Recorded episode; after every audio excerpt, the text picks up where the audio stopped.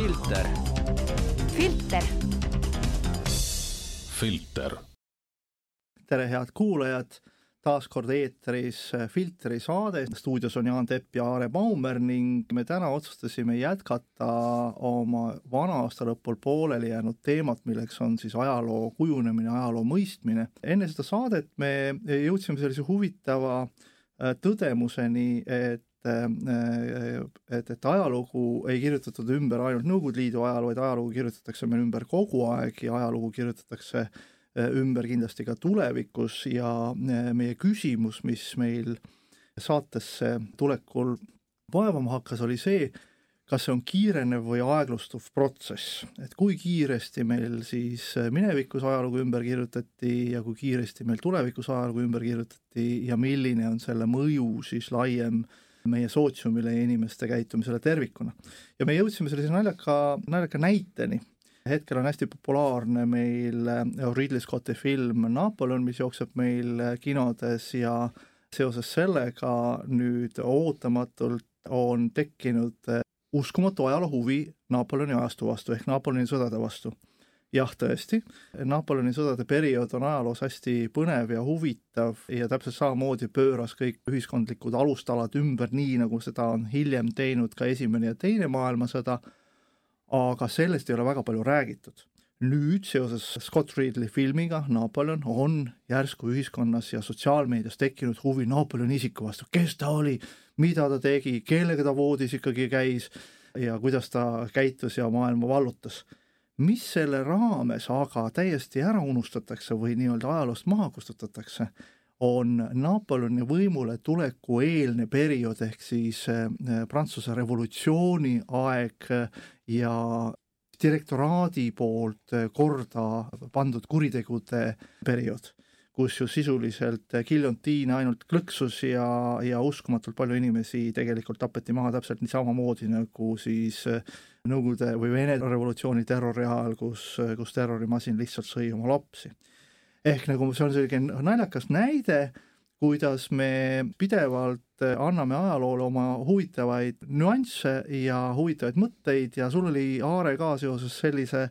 sellise ajaloo ümberkirjutamisega mingi omapärane nägemus, et, et sina jagad ka oma, oma mõtteid sellega seoses? et see ajalugu ja, ja Napoleoni sõjad, et äh, kooliajast ma tean ühte koma teist, aga kui see, ma kõik selle kokku pressin, siis ei jää tegelikult mitte midagi järgi. ehk siis nagu mõnes mõttes kooli ajal, ma ei teagi, kas seda Napoleonit väga palju käsitleti, seda ma mäletan, et oli Josephine ja siis kõike see muud, aga kogu sellest ajast on mul üks jäänud Jules Verne'i äh, Monte Cristo mulle meeldib Monte Cristo, kui alati on võimalus filmi vaadates, ma vaatan seda, mitte nüüd neid uuemaid versioone, vaid just kuuekümnendate aastate versioone.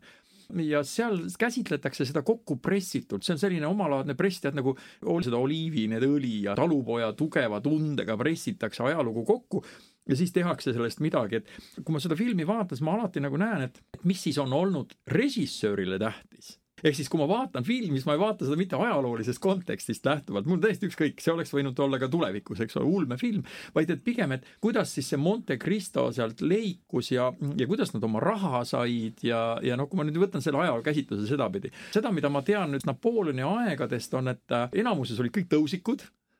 aristokraadid, siis nad tegid palju pahandust ja nad olid väga ülbed sellid. Ja vaat, kui sina ütlesid maaomanikud, siis Monte Cristo, krahv Monte Cristo jaotab nad kolmeks kusjuures see pankur, eks, saab hästi pahaseks, sellepärast üks ta ütleb, et on palju raha, noh, see on kõige mõttetum, sest raha on paber, noh, ta päris nii ei öelnud. selle peale pankur saab pahaseks, ta ütleb, et aga, et kolm mingisugust äh, krahhi ja sind enam ei ole, ja siis see teine, see kõrgem vorm on juba mingisugused maa-alad ja esimene on siis riigid, kullakaevandused, hõbedakaevandused ja kõik muu, eks ole. et kui me selle kõnepruugilt vaatame Jules Verne'i aega ja seda, mida ta kirjeldab, siis mida me aru saame? me saame aru, et tegelikult riiki põhimõtteliselt see oli ülemvorm, aga seda ajaloos riiki võis osta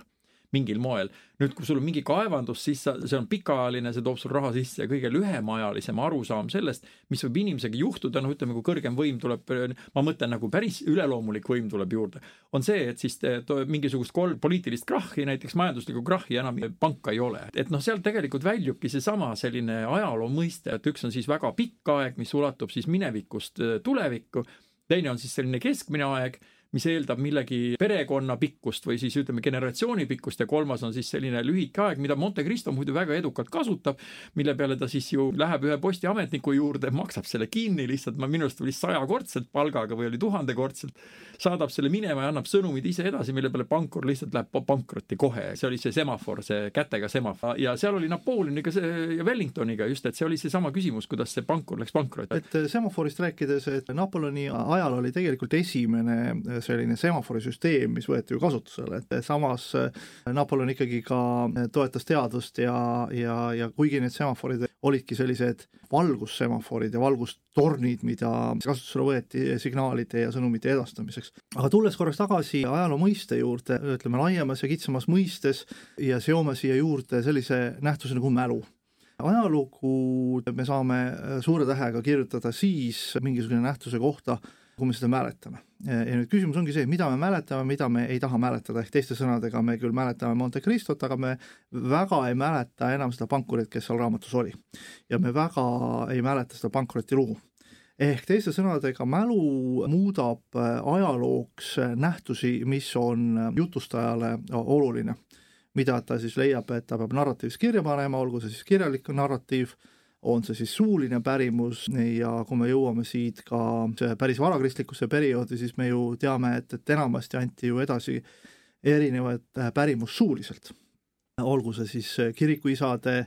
tekstid, olgu need imeteod, nad algselt ikkagi liikusid väga palju suulise narratiivina, mitte niivõrd kirjaliku narratiivina, sellele järgnes maalikunst ja kujutav narratiiv ja sealt hakkas vaikselt kujunema edasi juba selline kirjutatud tekst. ja nüüd, kui jõutakse sellise kirjutatud, kirjutava teksti ülekülluse juurde, kus neid tekste on palju, siis tuleb mängu seesama müstiline mälu, ehk ma mäletan midagi ja ma otsin ajalooarhiividest ja annaalidest neid kirjalikke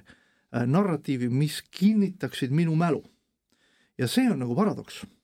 ehk, ehk kui me täna ütleme, et, et meie ühiskonnas on teadlased, ajaloolased, ajalooõpetajad, ajalooõpetajad võib-olla rohkem töötavad meil kooliprogrammi ja ja kooliprogrammis ette antud teemad, ehk vaata, kui sa ütlesidki, et, et sa väga palju Napoleonist ei mäleta, kindlasti me mäletame Napoleonist seda, mida meile Nõukogude ajal koolis õpetati ja see oli kindlasti Moskva põletamine.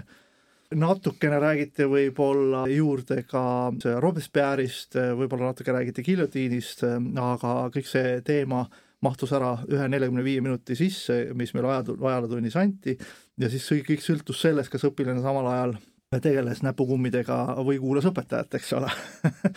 ja, ja nüüd ühel hetkel, kui me jõuame ikkagi nagu üldistada seda teemat sellise ütleme, ajaloolase juurde, kes ähm, tegeleb äh, tõesti mingisuguse ajaloolise narratiivi uurimisega, siis äh, jõuamegi selle mälu ja mälu välgatust kinnitatava, kinnitava kirjaliku narratiivi juurde, mida ta otsib. ehk ma alustasin ju seda, et et seoses Ridley Scotti uue filmiga Napoleon ootamatult äh, interneti otsingusüsteemides on suurenenud otsingusõnad. Napoleon, Josephine ja Napoleoni sõjad, Korsika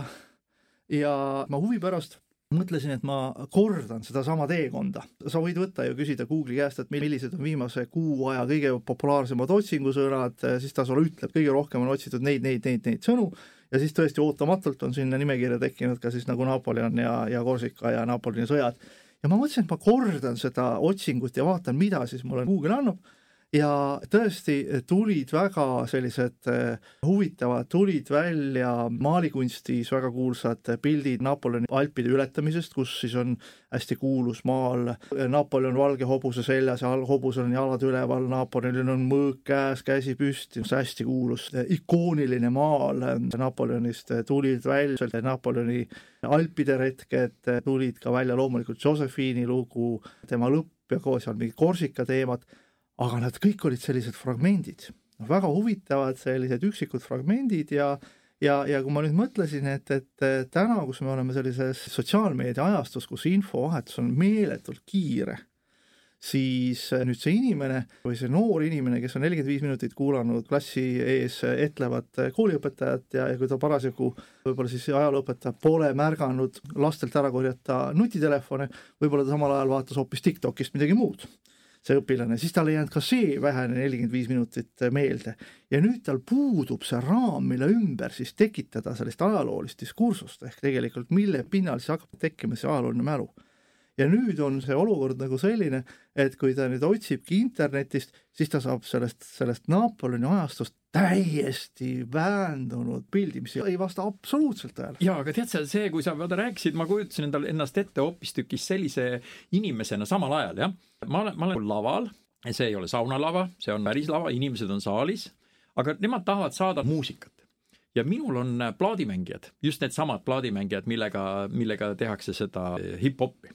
ühesõnaga plaadimängijate juures siis iga plaadi peal mingisugune ajaloo etapp, fragment. Ja nüüd, nüüd ma scratch in seda, ehk siis selles mõttes see kaasaegne, kui, kui sa pead nagu päris kiirelt midagi kokku lõikama, siis loomulikult ühelt poolt on ju kool see koht, kus antakse seda informatsiooni, sellist nagu struktureeritud, väga tore, kõik on väga hea, kõik on paika pandud juba kümned aastad tagasi, võib-olla viiskümmend aastat tagasi, võib-olla sada aastat tagasi, need põhitõed, rohkemgi veel, aga nüüd see teisel pool on siis see küsimus, et ma olen just nagu see DJ ja nüüd ma võtan selle Napoleoni plaadi ja võtan just selle koha, kus on need sõnad Napoleon, Josephine võib-olla võtan Waterloo, siis võtan APA plaadi, eks ole ja hakkan neid scratch ima niimoodi vaikselt käega, teen tšaka-tšaka-tšaka ja siis selle plaadi peale teise peal tuleb mingi, mingi svingirütm, eks. ja rahvas mõnusalt ootab, kas tuleb nüüd mingi niisugune väike tantsumusa või midagi muud. Nemad kõlistavad klaase muide, söövad rahulikult, saad aru, mina lasen musa oletame, et nad reaalselt istuvad ja söövad, aga nad tahaksid mingit head musa ja nüüd vahepeal tuleb natuke teksti ka, siis ma ütlen, et no ja siit tegelikult tuleb nüüd kohe praegu see viimase aja kõige parem ja lahedam filmi väike jupikene, sealt tuleb ainult see Josephine ja siis tuleb Napoleon ja siis, siis ma lasen Waterloo sõna peale, see Waterloo ütleb appa juba. ja kui ma nüüd sellise kultuuripildi tekitan, siis tegelikult ma lihtsalt tegin oma tööd, ma saan palka aga, aga mida siis inimene saalis ütleb, saalis, jaa, ta on rahul, klõbisevad noad, kahvlid klõbisevad, keegi kutsub kelneri, ütleb, kuule, et see šnitsel, eks see oli nagu liiga läbi praetud et, et no kui ma sellise pildi ette ma annan, siis ja, ja. see toimub, see toimub väga aktiivselt ja isegi hetkel ju ETV kanalil on sellised väga vahvad äh, ajaloolised äh, saated, ajaloo minevikus seal siis Rooma impeeriumist ja Egiptusest ja Kleopatrast, ma just vaatasin paar päeva tagasi järgi ühte saadet, oligi Egiptuse ja Rooma konflikt ja kuidas siis Kleopatra ei suutnud ikkagi oma riiki hoida ja see oli, see oli põnev, see oli vahva, mul jäid meelde mingid vahvad killud, mul jäi meelde üks mingisugune detail, mida ma varem ei, ei olnud endale teadvustanud, et Kleopatra oli võimul ainult tänu Caesarile ja kui, kui ta siis lõpuks senatis ära pussitati, et siis praktiliselt Kleopatra kaotas ka oma tugeva toetaja siis Roomast ja, ja see andis kiirendust ka Egiptuse langemisele. ma mäletan ainult Roheliste silmadega, kuulus filminäitleja oli, Elizabeth Taylorit, kes, kes paneb oma, paneb käe, oma käe maokorvi, kogu et sellised, sellised detailid jäävad meelde, eks ole, samas ähm, kaasaegne meedia, kes teebki sellist, nagu sa ütlesid, scratch ib, scratch ib sellist ajaloolist pilti ja annab seda väga põnevalt ka televisioonikanalilt edasi, ma tõesti põnevusega vaatasin seda saadet. Ja ma pärast muidugi küsisin enda, enda käest, et oota, kas see pilt oli nüüd tõene või, või oli see niisugune ilustatud, ma saan aru, et okei okay,, see oli meelelahutuslik, see ei saa olla väga sügav, et selle pinnalt ma saan nüüd minna internetti ja otsida midagi juurde, no hea, kui ma jõuan Vikipeedia lehele, no Vikipeedia lehel enamasti tekstid on natukene ikka kontrollitud ja, ja päris suurt lollust seal ei ole, ehk meie tänane tarkus tegelikult piirnebki Vikipeediaga, toimubki teatud selline veelahe on populaarteaduslik teadmine ja on nagu süvateadmine ja nagu ennem ütlesin, on siis see mälu. ja nüüd, kes seda mälu siis hoiab, kui ma näen sellist eh, scratch itud pilti Napoleonist või siis eh, Kleopatrast, ma lähen Vikipeediasse, vaatan, mis seal on, kujundan mingi pildi ja nüüd küsimus on, mis ma sellega edasi teen. ja nüüd tuleb see lisakiht on tegelikult ajaloolised manipulaatorid. kõige parem on näide on Vene kultuuriruum, me peame selle siia kõrvale tooma. Ja me teame sellised, nimetatakse Kremli laulikuteks ja Solovjov on kindlasti üks selline kuulsamaid, siis vot tema nüüd, kes tegelikult väga selgelt jälgib, kuidas riigimeedia teeb seda scratch imist, ajaloo scratch imist, teeb sellise natuke muusikat, natuke pilti, teeb mingisuguse kujundi ja kui see on kinnistunud teadvuses, inimeste teadvuses, natukene see scratch itud on nii, et see oleks valitsevale klassile kasulik ja kui ta nüüd see selline teatud selline populaarteaduslik pilt on tekkinud, ja siis tuleb see jutumärkides ajaloolane ehk narratiivi looja, kes loob sinna peale enam mitte mineviku narratiivi, vaid tuginedes scratch itud pildile, loob tulevikku suunatud äh, tõekspidamiste kompleksi. ehk Venemaa on suur država, ta on suur riik, sisuliselt me peame taastama oma piirid tuhande üheksasaja üheksateistkümnenda, seitsmeteistkümnendatest aastate piirides ja see tavaline, see kodanik, kes vaatabki ainult televisioonis selliseid scratch itud ajalooliseid pilte, mis on spetsiaalselt kujundatud, siis ta usub seda. Ja nüüd on see rahvas, ma ei pane vahele võrdusmärki rahvas ja mass, aga jutumärkides see piir on hästi habras seal vahel, mis hetkel on rahvas, kellel on eneseteadvus ja kes teadvustab, et, et mis on oluline. Ja mis hetkel ta muutub massiks, kes sisuliselt käitub massi reeglite järgi. ehk, ehk see on nagu mõnes mõttes püssirohutünn ja piisab sinna vaid ühest mingisugusest sädemest, kui see asi plahvatab, mis suunas, me ei tea. mind muidugi teevad ka hästi ettevaatlikuks ju nüüd viimastel kuudel ka Eesti poliitikute poole antud signaalid, et me ei tea, milline on lähima kuue või kuue kuu või ühe aasta perspektiivid meie turvalisuse kontekstis, mis on jutumärkides pehmed signaalid, aga kui neid paisatakse meediasse ja neid veel korratakse üle, pluss ma vaatan pidevalt, et meil on väga populaarseks saanud selliseid militaarsaated, siis mul hakkab natukene selg sügelema. vaatasin sind, kuidas sa kätega vehkisid ja mida küll kuulaja ei näe, aga samas see, see tekst, eks ole, see kõik nagu assotsieerus mulle sellega, et ma olen ju ka üle elanud neid koolis patriootilisi tunde ja ega ma tegelikult sellest suurt midagi ei mäleta. ma mäletan seda, et me käisime püssiga märki laskmas ja üks klassivend otsustas, meil vaene mees otsustas lamba peale lasta. pärast tuli sellest ilge jama, tuli sellest, et noh, mis mõte, seal õpetaja, kuidas sa püssist lased, aga need olid õhupüssid muidugi. lihtsalt see, see püssist laskmine, see kõik kokku on seesama lugu. kui ma enda minevikugi vaatan, siis ta on kuidagi kokku pressitud. ma mäletan ainult ühte jalutuskäiku, lasketiiru, reaalset lasketiiru. ja, ja samas kogu see tuuri osa, mis meil praegu on, mina märkan ka jah, et, et on päris palju sel teemal räägitakse ja teisel teemal, aga teate, eks me oleme elanud väga palju aastaid, ma, minu jaoks on nüüd sama asi, et kui eesti keeles ma kasutan sõna aastakümneid, siis see on kakskümmend aastat, mitte seitsekümmend aastat.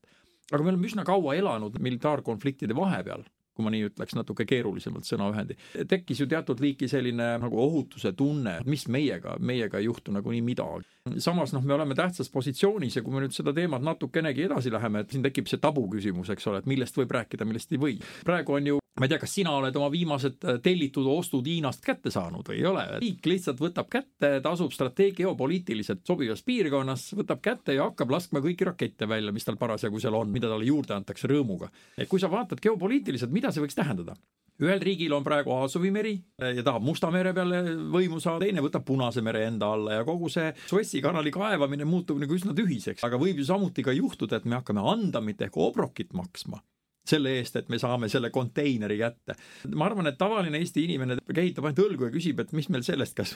konteiner tuleb või tuleb, ta pole elus tellinud Aliekspressist kaupa, aga mina olen. Aliekspressi kaubad, ma vaatasin, on hopsti läinud praegu umbes, no veel mõned ei ole, aga mõned on läinud kolmandiku kallimaks ehk siis nad sõidavad sealt ümber Kap Horni neeme, samas Kap Horni neem kutsub mulle esile jälle Jules Verne'i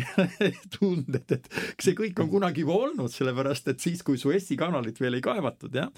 siis ei kaevatudki ja polnud plaaniski seda teha, et siis ju sõitsid kõik laevad ümber Kap Horni neeme. ja selliseid rahustavaid sõnumid on tegelikult olid sellised, et ärge kartke midagi, see on kümme päeva rohkem. ja, ja aga noh, tulles ka nüüd seesama Punane meri ja Suessi kanal ja, ja ajalooline mälu, me ikkagi üritame selle ajaloolise ja, mälu ümber oma saadet üles ehitada, et me ei saa mööda ka tankiantsust, kes oli sealsamas teisel pool, mitte küll siis Jeemeni poole peal, kus tänane hutid oma rakette saadavad välja, aga oli Somaalia pool, kus ta siis oli oli tankikolonni ülem, eks ole, ehk teiste sõnadega, kui nüüd vaatame, miks ta sealpool oli, siis tegelikult oli ju Jeemen, kes on täpselt seal kõige tähtsamas kõige positsioonis. positsioonis, seal oli ju Jeemen jagatud ju samuti kaheks. täna, kus on hutid, see ala oli ju puhtalt ju Nõukogude Liidu kontrolli all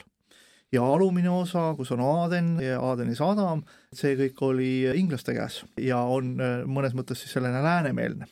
ehk äh, seal on kaks ajaloolist konflikti, ehk kõik geograafilised, strateegilised alad on juba ajaloos olulised ja neid on üritatud kontrollida, kui me nüüd mõtlemegi, et kui Nõukogude Liit, tankiants ühel pool kallast ja sovjeedilikud Põhja-Jeemeni väed teisel pool, nad olid valmis iga kell sisuliselt eh, Punast merd kinni panema, et, et kui selleks nagu vajadus oli ja ainuüksi kohalolekust piisas selleks, et mõjutada eh, ÜRO otsuseid. kui, kui polegi, polegi vaja sul Hruštšovi, kes taoks saabast või kinga vastu lauda, vaid piisab, kui Vene diplomaat ÜRO-s ütleb, et aga vaadake, me võime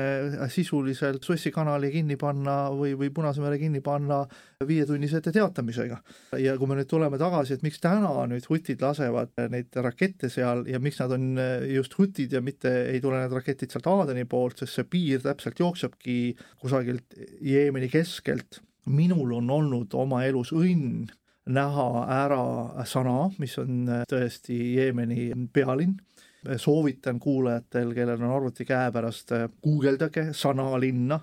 see on UNESCO kaitse all siiamaani see on uskumatult ilus arhitektuur, nagu oleks piparkoogimajad väikeste valgete akende ja, ja majaservadega. mul õnnestus ühe eh, projekti raames eh, tänaseks küll kümme aastat tagasi circa seal ära käia ja ka siis eh, tegelikult mulle öeldi, et meil oli plaan minna vaatama ühte, ühte elektrijaama, kuid siis öeldi, et turvakaalutlustel me ikkagi nagu sinna minna ei saa. aga mul õnnestus ära näha siis see, see tuum väga sõbralikud inimesed, väga värvikas, väga, väga huvitav kultuur, aga ka siis ma tol hetkel ei näinud mitte midagi muud kui vaid seda vahvat arhitektuuri, neid sõbralikke inimesi, kes na-, kogu aeg käisid ja naeratasid, aga seal all pulbitsesid väga pikaajalised ajaloolised konfliktid just nimelt äh, Põhja-Jeemeni ja Lõuna-Jeemeni vahel ja selline soov domineerida. Ja täna nüüd küll Sanaa kahjuks on küll nii-öelda hutide käes ehk siis Põhja- Jeemeni käes, mis, nagu ma ajalooliselt ütlesin, millel on väga ajalooline seos ka Nõukogude Liidu ja nende sellise varjatud diplomaatiaga. kui ma lugesin, et liitlasväed on asunud Sanaad pommitama, siis mul tekkis hirm, et, et jumala pärast, et nad ei pommitaks seda vanalinna, mis on uskumatult ilus nii et sellised ajaloolised tähendused tänaste protsesside kirjeldamiseks on hästi olulised. eks ole, kuidas sa nüüd ütlesidki, et, et sinul on kogemus sellest linnast, minul seda linna kogemust ei ole, küll aga ma olen näinud erinevaid mitmekesiseid pilte kõikvõimalikke kas nad on nüüd töödeldud või ei ole töödeldud, vanasti ei töödeldud, kaheksakümnendate aastate pildid, ütleme seal nendest äh, kesklinnadest ja siis veel see Sahara kõrves need oaasilinnad, eks ole, see on kõik nagu äärmiselt ilusad kõik. kui me liigumegi ajas edasi, mida me võime nagu üldistada, kui sa vaatad väga üldiselt, siis sa näed, et inimeste käitumine on jäänud enam-vähem sarnaseks, et kui on võimalus kuskil domineerida, siis hakatakse domineerima ja kui sa nüüd veel rohkem üldistad, et äh, andke andeks, kui ma ütlen, et siis ikkagi kõik käib ressursside pärast, eks ole, kõik, kõik see madin käib ressursi pärast, et mingit ressurssi võiks olla palju, sest kes tahaks domineerida näiteks teemaga, et, et võib-olla Shakespeare oli kõige parem näiteks äh, näitleja ja lavastaja. Inglise kultuur, äh, Mary Poppinsi aeg on tegelikult väga lähedal. et no mõnes mõttes, kui me vaatame Mary Poppinsi filmi, ma ei tea, kes kuulajad on seda üldse vaadanud, siis seal see Inglise imperialism tegelikult, see on seal natuke see kriitika all aga see on täiesti olemas, see rahakriitika, see, kuidas äh, Inglise pank püsib ja, ja sama, samas lükatakse see pankur peaaegu, et noh, ta kukub pikali seda vehkides selle kepi, öeldes, et Inglise pank püsib ja mina püsin ja nael püsib.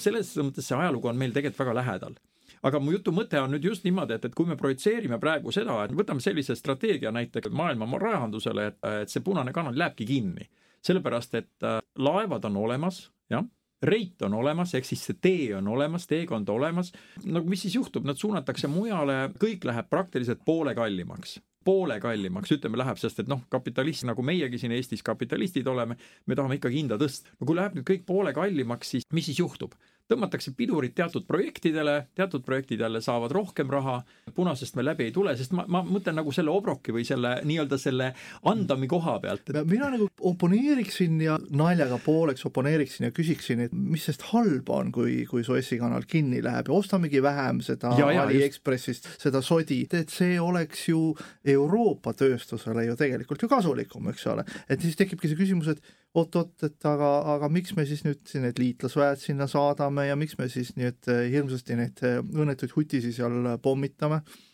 kui ma mõtleksin, et Ameerika eksport ja import ei käi üleüldse nagu Punase mere kaudu, et käib üleüldse läbi Atlandi ookeani ja, ja läbi Gibraltari väina, milleks meil seda vaja on.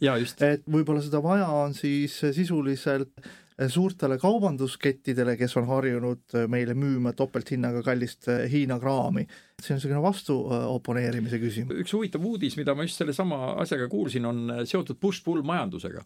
ehk siis selline uudis jooksis läbi, et noh, mis on push-pull majandus, see on siis selline, et, et sa ei pea tootma lattu nagu nõukaajal, ütleme, ja mõned riigid toodavad siiani ehk kuidagi veel lattu, vaid toodad siis, kui midagi vaja on mis on tegelikult väga ökonoomne ja, aga noh, toodetaksegi siis, kui vaja on ja oletame, et elektriautosid on vaja, veel midagi on vaja. uudis praegu Saksa tehasega Elon Muskiga oli see, et äh, push-pull majandus töötab ju ainult siis, kui tellid ja kohe tuleb. aga nüüd see tarneahel on pikem, nii et tehas pandi ajutiselt seisma kuni konteinerlaevad on ümber suunatud ja kuni nad lõpuks jõuavad kohale ja see kõik võtab rohkem aega et mina tean, et push-pull ei kao mitte kuskile, eks ole. jaa, aga mina jällegi küsin sul äh, töövõtjaga seisukoha pealt, et kas töövõtjale push-pull majandus on kasulik või kahjulik, ma arvan, et pigem kahjulik. et paneme siia juurde veel ühe kihi sellisest sotsiaalsest nähtusest nagu ametiühing et kas ametiühing on rõõmus, kui meil on push-pull majandus, ehk me toodame ainult siis, kui turg vajab seda ehk, ehk minul on vaja liisingut maksta, lapsel on vaja stipendiumit eh, tagada ehk koolituskulud, eh, kõik muud asjad. ühel hetkel ütleb siis minu tehase, tehase vahetuse ülem, et tead, et eh, Elon Musk andis mulle korralduse nüüd kolm kuud mitte toota, et ole nüüd nii kena ja mine puhka. ma ütlen, et aga ma tahaks raha saada selle eest, et siis ta ütleb, et ei, ei, et aga meil on push-pull majandus, et, et kui sa ostad järgmisel nädalal ühe elektriauto ja su sõbrad ostavad ühe elektriauto, võib-olla siis saad äkki tööd ka. no vot, aga siit me jõudsimegi jälle majanduse juurde, ehk siis kas me õpime üldse nendest vigadest, öeldakse, et ei õpita või on mingisugused, mina kogusin siia ajaga seotud vanasõnasid, mõned vähemasti. ja need olid ka nagu sellised, esiteks, et äh, küll aeg annab arutust, see puudutab just nimelt seda, et push-pull majandust, et, et me ootaksime just nagu ära Eesti, Eesti vanasõnade seos, et no mida siis Elon Muskile öelda. ütleme, et patsuta mõrale, ütleme talle küll aeg annab arutust. Või siis tema töötajale. Või siis küll aeg haavad parandab Äh, jälle selline päris huvitav, need on tegelikult ühe, üks ja sama, ehk üks on siis parandab haavad, et haavad on selles, et Elon Musk paneb sinna miljardi alla, miljard eurot ja äkki selgub, et laevad peavad püsivalt kas maksma Iraanile ja hutidele andamit iga euro pealt näiteks kolm eurosenti ja ma arvan, mis on õiglane. läbi pangaülekannete kusjuures. see on täiesti õiglane, nad võiksid täiesti saada seda raha. sisemeri, eks ole, ole, kasutad jah. meie sisemerd või siis, või siis Elon Musk lihtsalt ütleb talle, et need on suured haavad, ma panin selle miljardi alla sinna tehasele. ma arvan, et, et ühel hetkel jõutakse pärast rakettide tulistamist ka läbirääkimiste laua taha ja kui, kui Huti delegatsioon ütlebki, et aga ma arvan, et arvestades meie geopoliitilist asukohta, meil ongi õigus seda saada. ja ma arvan, et, et nendel argument isegi kõlab, isegi kõlab, et see, kas, kuidas see otsus langetatakse, on teine küsimus aga nagu veel kord, et tarbimist tuleb maksustada ja nii ta on. tarbimine, maksustamine alla, just täpselt, et see nüüd ongi asi, mis tegelikult ajab iga meie tavalise inimese nagu väga vihaseks, sellepärast et, et kui me seda ju ütleme, me just nagu peaksimegi ju eemalduma sellest tarbimisest. peaks tekkima nagu roheline keskkond ja nüüd äkki selgub, et utid seda tahavadki ainult, praegu keeran vindi üle, eks ole, et aga utid ütlevad, aga me oleme nõus sellega, et laske rohkem pappi, tarbige vähem, meie, meie sisemerest sõidate laevaga läbi. seal on tegelikult teised riigid ju veel. Ja, ja Suessi kanal võtab ka natukene raha ja nii kõik võtavad, aga tead, ma võin sulle ühte asja ütelda, et ma ei teagi, miks Suessi kanal tähendab, mis see päris eesmärk oli, ma tean ainult, et see kaevandaja läks reaalselt pankrotti selle Suessi kanaliga, et võib-olla siin läbi ajaloo mõtelda jah, et kas kõigi selliste äh, ehitatud kanalite ja kõige muu infrastruktuuri alla kulutatud raha on ikka kõige parem, et mul on siin üks näide sellest Hiina mm, arendajast. Äh, enne ma tahaks veel ühe väikese detaili ja. tuua kogu selle Suessi kanali ja, ja siis tarbimise juures, et me räägime ajaloolises kontekstis, me toome ajalugu sisse sellepärast, et me saaksime aru meie tänastest protsessidest, mis meie ümber nagu toimuvad ja me üritame Aarega siin projitseerida tulevikku, et milline see tulevik saab olema, kas ta on meil hea, õnnelik, rahulik eh, ja, ja, ja meil saab olema piisavalt raha või vastupidi, me liigume pigem sellise rahutumatesse vetesse, et, et me üritame siin natukene aru saada, laename siis selliseid viiteid ajaloost, vaatame, mis täna toimub ja üritame seda kuidagimoodi filtreerida, et aru saada, et mis meie ümber toimub. Ja kui me vaatame sellist ajaloolist, eh, nagu ma ütlesingi, et on, oma ajalugu, ajalugu on siis, kui keegi jutustaja seda narratiivi meile vahendab, kasutab seda scratch imismeetodit, mida meie vastu võtame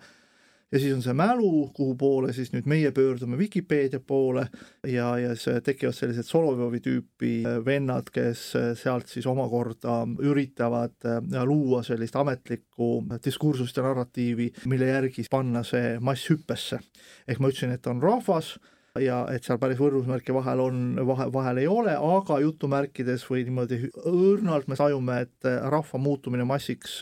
võib, see protsess võib toimuda väga ruttu kui sa ennem rääkisid, et äh, see pankur Mary Poppins siis ühel hetkel käis kõhuli, siis äh, selili, selili, ta kukkus, ta, ta, need vennad toetasid tagant just, just, aga see on jällegi, mida see näitab iseenesest, et kui meil selle, ega see Mary Poppinsi lugu on ka natukene scratch'id meediapilt, mida meile vahendatakse, ega ka multifilmid ja, ja väikesed meemid on ikkagi, nad annavad mingit informatsiooni edasi. mida see edasi andis, see pilt oligi see, et on olemas liftrahva seast tulnud tüdruk, ja siis on olemas mingi paha pankur. paha pankur peabki alati selili kukkuma. ehk teiste sõnadega on tekitatud juba mingi veelahe. ehk mõnes mõttes on nüüd see pankur on see, kes hakkab looma narratiivi, ehk mõnes mõttes ta loob ka korda. ta loob korda, ta ütleb, et, et raha saad sa siis, kui eks ole, sul on mingid tagatised, töökoht, deposiidid ta,, ta-ta-ta-ta, edasi-tagasi, see on teatud reeglistik, sa selle, siis on võimalik, et sa selle raha saad, et sa mainisid ka Monte Cristo lugu siin ennem, et raha saab siis, kui, eks, ja Monte Cristo seal ütles, et oh, see ainult paber. mõnes mõttes on ikkagi olemas selline veelahe, et veelahe on olemas rahvas, kui ta veel ei ole muutunud siis massiks, aga temal on oma arusaam, temal on oma ajaloo tõlgendus. Ja tema tõlgendabki seda, et pankurid peavadki olema selili. ehk meie peame tegelikult võtma selle krooni ja tegelikult äh, juhtima ka kapitaliturgu. ja kui me nüüd vaatame laiemalt ajaloolises kontekstis ja me rääkisime siin Suessi kanalist ja Punasest merest ja kui me nüüd võtame siia juurde ka geograafiliselt või ilmastikutingimused, kuidas ilmastikutingimus mõjutab sellist nagu ametliku narratiivi teket, siis vihmade ja niiskuse ja vee osakaal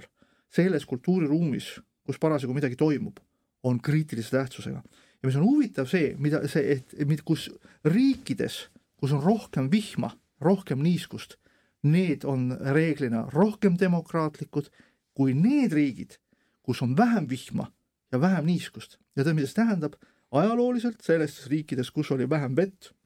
oli vaja luua niisutussüsteeme ja niisutussüsteemid olid ühe kindla pankuri käes.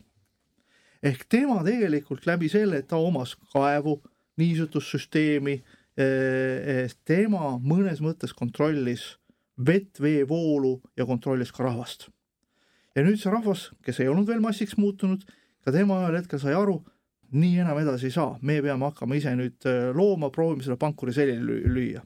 ehk nagu mõnes mõttes selline ka geograafiline kontekst, kus me oleme, me ja õnneks Eesti selline on õnneks regioonis, kus meil on palju vett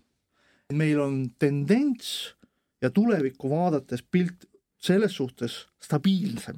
et me oleme tunduvalt rohkem, nagu öeldakse, kaldumas demokraatlike vormide poole kui autoritaarsete süsteemide poole. ja mida see tähendab, kui vesi tuleb võrdselt igaühe peale, see tähendab see, et, et ajalooliselt igaüks sai võtta oma maatüki, oma maalappi ja kõikidel kasvas võrdselt kui loomulikult seal on võib-olla siis maa, mulla öö, protsent ja, ja kvaliteet sinna juurde, maa suurus, ehk see on juba hoopis teine diskussioon siin, aga, aga veel kord, et selline vastuolu rahvamassi ja juhtkonna või siis ütleme niimoodi, see, kes omab kapitali, omab ka meediakapitali, on hoopis teine asi. Ja vot nüüd me jõuame meedia juurde, mis on väga oluline meie tuleviku ajaloo diskursuse loomisel, me rääkisime TikTokist, me rääkisime äh, väga kiiresti infovahetusest, räägi sellest, mis on. no siin on hea näide sellega, et äh, mis juhtub, kui me anname inimestele võimaluse, vaat veel kord, et eks ole, et kõigepealt see baas oleks nagu arutlusel see, et kas inimene määrab, mis informatsiooniga juhtub, määrame informatsiooni, need protsessid, mida me ei näe, määravad inimese. ja no minu vaatenurk on see, et inimene on tööriist järelikult määravad need protsessid, mida me ei suuda isegi ette kujutada, määravad, kuidas inimene käitub. ja need, kes siis parasjagu käituvad kuidagi, kuidas informatsioon nii-öelda määrab, on ju tegelikult programmeerijad mis on siis juhtunud? pankurid siis, jutumärk no, pankurid, jah? jah, mingil moel küll salakeele tundjad, ütleks ja, niimoodi. valgustatud. just, valgustatud inimesed, kes oskavad programmeerimist salakeelt ja kelle ülesanne on siis maksimeerida või maksimaalset kasu saavutada ettevõttele ka ja kuna nad on kõik väga toredad kõrgharid, ega need siis ei ole ju mingid algharidusega inimesed, siis nad on välja mõelnud uue, uue süsteemi, kuidas kleepida inimene põhimõtteliselt ekraani külge kinni kui palju nüüd sellest meie kuulajatest seda veel teab, aga siis mõte on selles, et ekraan kaetakse paljude erinevate tegevustega ja sellisel juhul on inimese nägemine ja informatsiooni töötlemine ei ole võimeline enam eristama olulist mitteolulisest. see ei ole võimalik tema teadvuse abil. see on see scratch imise kõrgeim tasand. jah kus on, kõik on scratch itud, iga järgmine noot kasvõi on scratch itud ja nüüd tekib see olukord, et sa saad, ütleme laps, eks ole, noh, selles mõttes kasutaja saab selle informatsiooni kätte, tema ekraanil toimuvad multitasking'u tegevused, vaat see, mhm. mida aeg-ajalt turunduse kõrgmaailmas nimetatakse sellega, et aa, minu sekretär on multitasking või et see turundusspetsialist või ma ei, ma ei äh, alahinda neid, eks ole. lihtsalt kiire kõrvalepõike, et ehk ajalugu kontseptsioon ja kui sul ühel hetkel on multitasking, sa ei suuda enam välja mõelda kontseptsiooni. no kontseptsiooni sa ei suuda, aga see ei olegi enam enam võimalik. sa enam ei tea, mis on õige, mis on ja, vale. jaa, sest et seda antakse kogu aeg, eks ole, et üks asi on tuhat aastat vana, teine on võib-olla sekund vana, kolmas on, mida juba öeldakse ette. ehk siis kirjutatakse peale breaking, et minul aeg-ajalt laekub, isegi teadusajakirjades laekub mingeid teateid, tegelikult on selgelt algoritmide viirused, noh, nii-öelda viirus, eks, ja halvas mõttes, see on juba tehis. programm on tehis, mis toodab teadet näiteks breaking ehk siis läbimurdev saavutus selles, et Marsile on võimalik minna ja seal elada nii palju, kui sa tahad, mis on täiesti mõttetu ja see on toodetud tegelikult, kui sa hakkad mööda neid jälgimine, mis selgub, et see tegelikult oli mingi lause, mis pani aluse algoritmile, mis tootis selle uudise et ma olen ühe korra seda järgi käinud viimase kuu ajaga, ütlen, et ja siis sellist... jõuab ta kõlakotta. ja, ja sellist asja pole olemas üldse. et ei ole olemas, lihtsalt see on toodetud nii, et, nii et kui see, kui kallis rahvas, kui te näete kuskil, et breaking või et läbimurdeline, et siis see on tegelikult toodetakse ai poolt, isegi inimene ei võta osa enam sellest protsessist. aga nüüd kujutage endale ette, et teil on nutitelefon ja te tahate näiteks kasvõi Postimehest mingit lugu saada, aga see multitasking tähendab see nüüd seda, et selle ekraan, see jagatakse vähemasti kuueks või kaheksaks alateemaks, mis siis kõik tiksuvad ja nüüd sa pead sellest nagu midagi üritama saada ja nüüd mõistus ütleb üles. ehk siis seal ei ole tõesti võimalik enam seda struktureerida, lihtsalt kogu aeg toimub midagi, üks suusatab, teine hüppab, kolmas teeb seda, neljas teeb seda. filmides muide kasutatakse seda olukorda, sest tegelikult ju televisioonistuudio näeb sedasi välja. no see on see täpselt see nähtus, ehk me peaksime meenutama filmi Seitseteist kevadist hetke, kus Stirlitz võtab sigareti ja paus kestab. misanstseenid lavastatud ja siis sa kestab. vaatad ja seda ja kestab. mis, mis on stseeni pikkus, sekund ja stseen, sekund ja stseen. no mina, misanstseen tähendab praegusel hetkel ikkagi seda, et lihtsalt, et, et mis, mis viga oli või friisis. ekraan jäi külmus ära, ühesõnaga kohe hakatakse koputama ekraani pihta ja teatama, et kuulge, mul, mul jäi mingi, mingi in, in, wifi kadus ära, internet kadus just, ja kui me jõuamegi siia selle TikToki samaaegse ekraani juurde, kus kuus erinevat tegevust toimub samaaegselt, meie mälu ei jõuagi midagi enam kuhugi kinnistuda, meil ei olegi võimalik luua kontseptsiooni ega pilti ega väärtust, ehk me jõuame väärtuste järgsesse ajastusse. ma tahtsingi vahepeal öelda seda väärtusi, et väärtusi võib, võib luua küll, tead, kui sa küllastad inimest äh,, aju küllastad ära ja siis me hakkasime rääkima sellest, et, et kuskil on see irrigatsioonisüsteem ja mingi pankur või rahaomanik on loonud selle veesüsteemi, aga nüüd, äh, mis siis juhtub, kui võimu juures on täiesti tavaline normaalne inimene, kellel on võimalus kasutada palju raha ja kes tegelikult loob oma arust midagi väga vajalikku aga kes teeb seda oma sisemise vajaduse sunnil, milleks on näiteks silma paista ja, ja, ja tema arvates ta teeb head, et mul on siin väga hea näide muide ühe Hiina, Hiina valitsus on otsustanud praegu hakata pigistama kõiki kõige kõrgema ešeloni linnapäid ja pankureid ja muid mehi ka sõjaväes, et teha jälle üks puhastus aga noh, nad võib-olla teevad seda halvasti, võib-olla hästi, seda ma täpselt ei tea, aga Lõuna-Hiina leht kirjutab, noh, ma ütlen Eesti rahalistes mastaabides seda ümber arvutanud, et kuulake nüüd tähelepanelikult, et et ühe provintsi linnapea ja selle kohaliku maa-ala haldur nii-öelda või noh, selles mõttes inimene, kellele on antud peaaegu noh, piiramatu võim arendustegevuseks, kusjuures heaks arendustegevuseks, on kulutanud ära kakskümmend üks miljardit euri selleks, et luua heaolu ühiskonda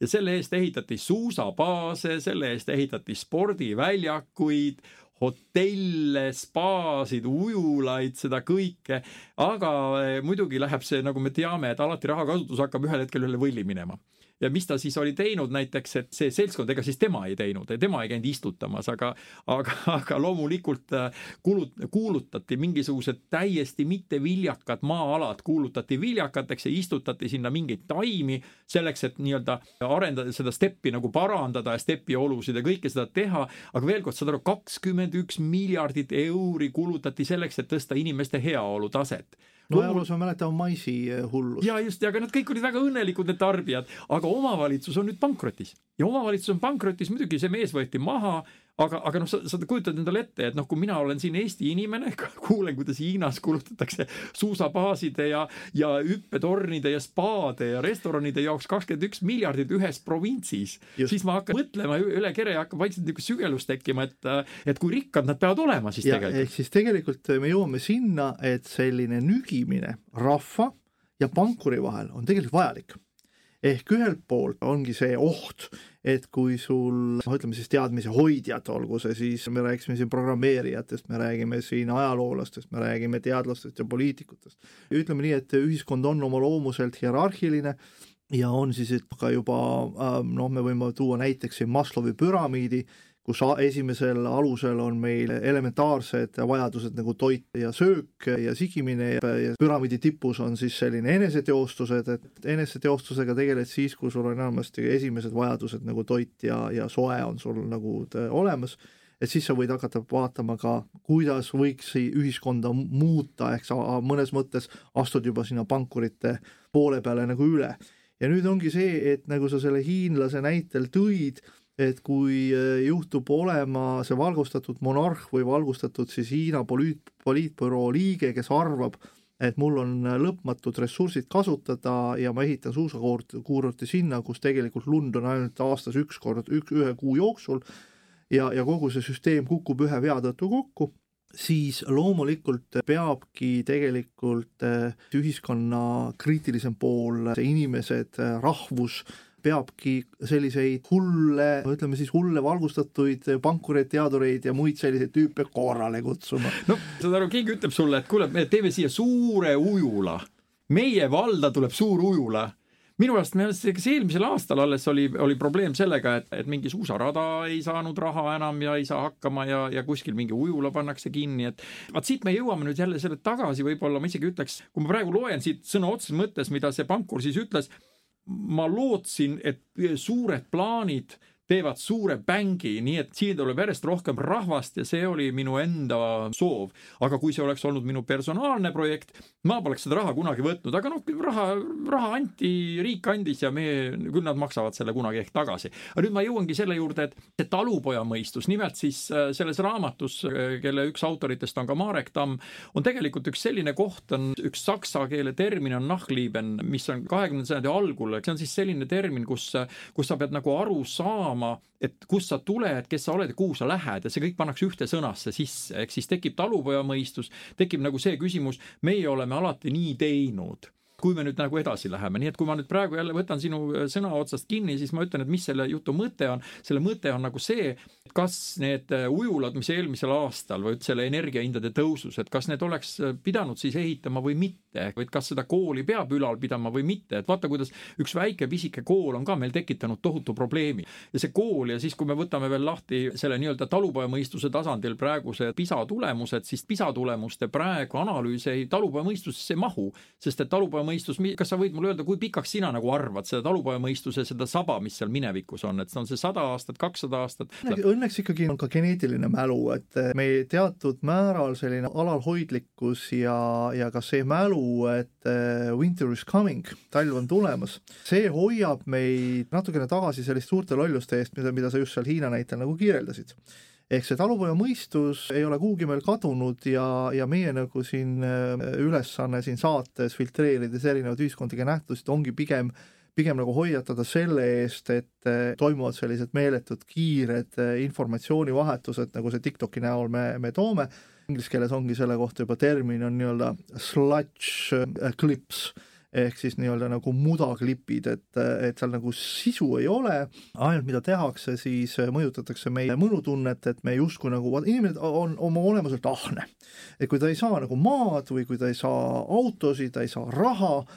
siis ta tahab ikkagi midagi saada ja sisuliselt see saamise instinkt eh, siis rahuldatakse läbi visuaalse saamise, et me saame korraga palju visuaalset informatsiooni. me ikkagi saame midagi, me oleme ahned olevused. ja nüüd ühel hetkel ongi see, et meil enam ei piisa sellisest aeglasest misanstseenist, kus äh, Stirlitz suitsetab kolm minutit järjest ühte sigaretti, vaid me tahame saada sisuliselt TikTokist enam mitte ühte videot,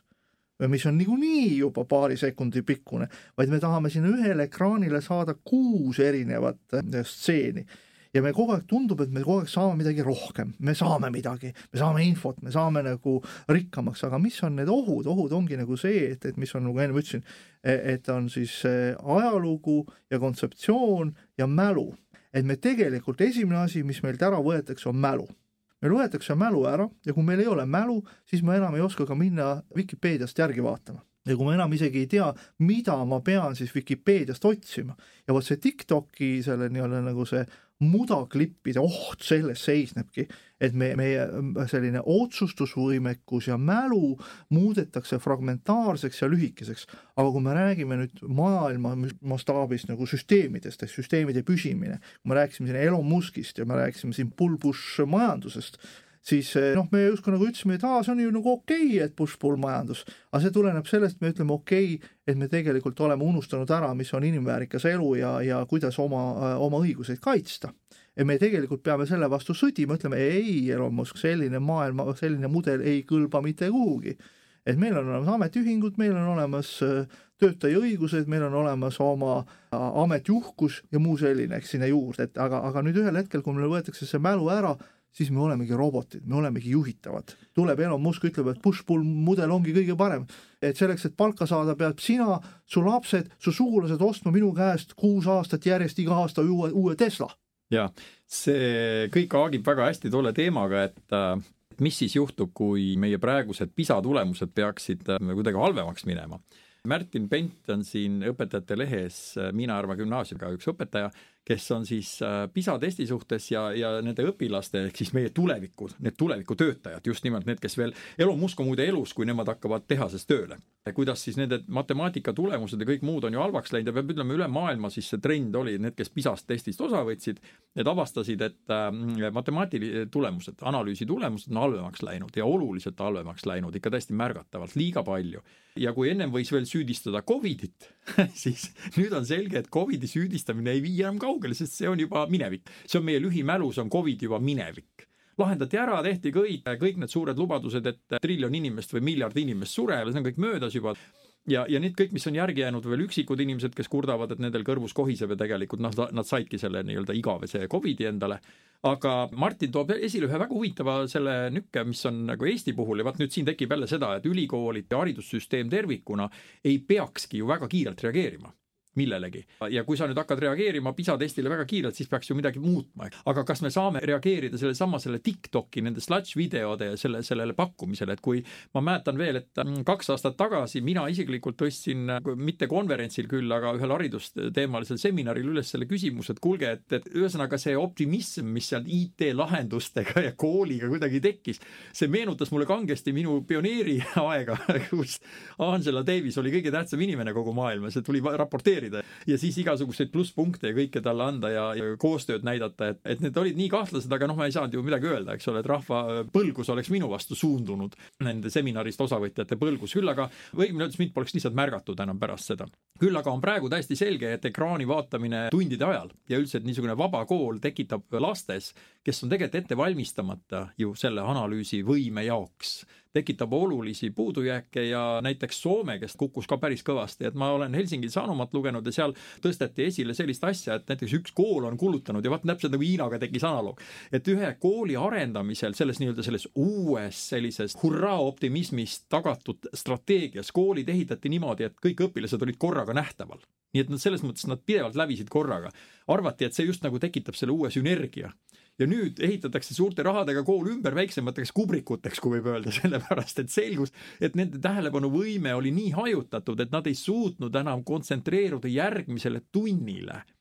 ehk siis, ehk siis õpilaste, õpilased lihtsalt ei saanud enam, nad, nad isegi ei saanud aru, mis tundi nad peavad minema, nad istusid koos, arutasid, midagi tegid, aga no mitte tööasju. vaat see, mida täiskasvanute me ootame, eks ole, et see iseõppimine, see kõik on kuidagi seotud, nii et ta ise saab aru, kus ta peab tegema, ise peab õppima ja kõike muud. ja siis äkki selgus soomlastele koolis, mis reaalselt eksisteeris, et nüüd tuleb omavalitsus peab ehitama selle kooli suured need kõik need ruumid, mis olid vaba, vabakasutuses, kõik uuesti väiksemateks, sellepärast et õpilased hakkasid ka lõpuks kaebama, et me ei saa mitte millestki enam aru, tähendab, et ja nüüd, kui sa nagu mõtled seda, et me millestki aru ei saa, siis noh, Eesti kontekstis on Martin Pent on ka ju tegelikult kriitikanoole suunanud, mina siit lugesin välja ülikoolide pihta. ehk siis, et see iseõppimine on võib-olla õpetajate mugavusest või millest on viidud lausa ulatub põhikooli algusesse välja, mis ei ole enam õige, sellepärast et noh, need põhikooli õpilased tegelikult ei tea iseõppimisest mitte midagi. ehk siis selles mõttes oodata, et nüüd ütleme kuuenda või seitsmenda klassi laps, jah, teab midagi nendest asjadest, millest, mida ülikoolis hakatakse õpetama, et, et võta materaamat ja loe läbi, see on nagu iseõppimine, isejuhtimine, et näed, meil on uus iseõppimine, isejuhtimine, võta matemaatikaramat, loed läbi ja noh, siis tuled eksamile, eks ole, et see nagu päris, päris nii ei käi. et kas me elame, mis sina arvad, kas me elame nüüd selles mõttes jälle sellises utoopias, et me ei ole pööranud tähelepanu sellele, kuidas õppimine käib, see on nagu lühiajaline utoopia, ma arvan, siiski jaa, see on üks ventiil, et eh, ventiil rahutuste vähendamiseks, et nagu ma ennem ütlesingi, ikkagi on, on töövõtjad, tööandjad, eh, on pankurid ja, ja, ja põllumehed. Ja mõnes mõttes nüüd see ongi see, et eh, kuna meil see veelahe mõnes mõttes pankurite ja infohoidjate ehk siis Elon Muski ja, ja tavalise autojuhi vahel aina suureneb. Ja see tuleneb sellest, et meie ühiskond on muutumas teadmispõhiseks nüüd ongi, tekib see moment ühel pool, kus justkui sa peaksid selleks, et elus hakkama saada, et sulle surutaks peale seda push-pull majandusmudelit, et töötad ühe nädala kuus ja, ja muul ajal ime käppa, siis selleks, et seda pinget vähendada, mõnes mõttes on see ventiil, öeldakse, et aga kõik on sinu enda teha. kõik on sinu enda teha ehk mõnes mõttes tegelen täiendõppega, meil on olemas mikrokraadid, ülikoolid pakuvad mikrokraade, tule, õpi, proovi ühiskonnas kaasa rääkida, aga mis probleem, probleem on selles, et sellised, see iseõppimise ja nende mikrokraadide ja täiendõppeprogrammide sisu ei vasta mõnes mõttes meie tänasele ühiskonnamudelile, et kus ma veel kord ütlen, et see veelahe nii-öelda selle infohoidja ja, mõnes mõttes jutumärkides pankuri, isegi ma võin pankuri terminit kasutada mitte niivõrd raha kontekstis, vaid ka info kontekstis, infohoidja on ka pankur. Pankuri etümoloogiline tähendus ongi see, et, et ta hoiab ühes kohas kõike, midagi koos, on see raha, teadmine, mingid väärtused, protsessid, ehk, ehk kui me räägime Elon Muski Tesla tehases, siis see on ka pank, see on äh, oskusteave, see on jagatud äh,, jagatud kogemus äh, ja, ja teadmusjuhtimine. ehk nagu teiste sõnadega, kui mulle öeldakse, et, et okei okay,, et sa oled täna küll see lihtne töömees siin minu tehases, töötad üks nädal kuus ja selleks, see, see ülejäänud kolm nädalat, kus ma sulle raha ei maksa, mine tegele siis täiendõppega, et siis sinust saab ka kunagi Elon Musk, aga mida meile ei öelda või mida nendele inimestele ei öelda, on see, et need, need täiendõppe ja mikrokraadide sellised sisud aitavad sul võib-olla selles TikToki maailmas paremini orienteeruda, aga kui me räägime nagu sellest teadmusjuhtimusest ja sellisest eh, nii-öelda pangast, teadmise pangast, kapitalipangast, siis sinna jõudmiseks üksikinimese nii-öelda mikrokraadist ei piisa. sa pead ikkagi mõnes mõttes läbima klassikalise haridusliku tsükli, sa pead looma kontseptsiooni ja vundamendi ja siis sa pead ennast selles mõttes maha müüma sellele pangale, ütlema, et okei okay,, mina suudan selles teadmusjuhtimise äh, äh, protsessis või süsteemis täita vot selle mutri osa, ehk sa pead muutma ennast vajalikuks mutriks. ja nüüd ütleme see, et, et kõik ülikoolid, kes pakuvad täiendõpet, pakuvad meile selliseid mikrokraade, peavadki nagu selles kontekstis endale teadvustama, see on vajalik ainult niivõrd, kui inimene suudab leida endale ühiskonnas ja selles sotsiaalses, selles pangas endale selle vajaliku koha. mõnes mõttes me nagu taandume ju praegu isegi mitte taandume, vaid hakkame kokku võtma sedasama, et mis on elukestev õpe ja kuidas see ühiskonna ja ajalooga suhestub, see, mis me täna näiteks rääkisime. ka selles Õpetajate Lehe artiklis on üks väga hea kokkuvõttev lause, ma lihtsalt ütleks juba nagu ette, tähendab sulle, et kuidas sina suhtud sellisesse lausesse, sest lõppeks taandub kõik ju põhimõttelistele kui samas üliväga helladele küsimustele nende samuste uuringus osalenud riikide ortodoksetest ühiskondlikest tõespidamistest. ehk siis see ongi see, et meil on teatud tõespidamised ja äkki PISA test näitab, et äh, inimesed on, ühiskond on muutunud. See noor osa ühiskonnast, kes peaks üle võtma, see on muutunud juba, selle käitumine on muutunud, meil on oma arusaam sellest, kuidas haridust anda ja kuidas ajalooga suhestuda aga tehnoloogiline revolutsioon on viinud meid olukorda, kus me peame nüüd mõtlema, et kas me hakkame jõuga peale suruma lastele, siis meie tulevikule tuleviku inimestele jõuga peale suruma käitumisreegleid või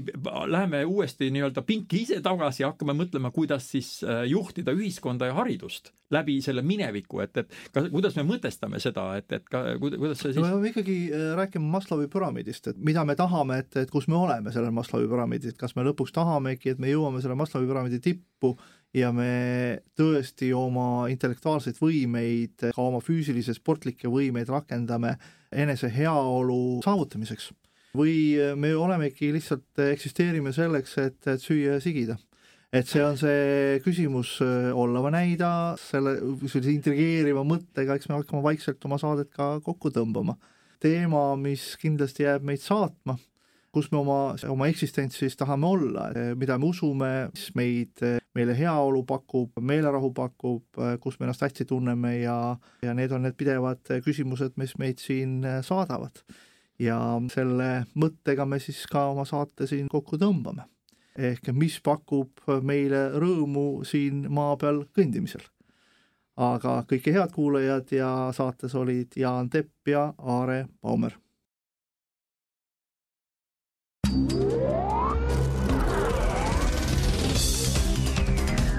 filter. filter. filter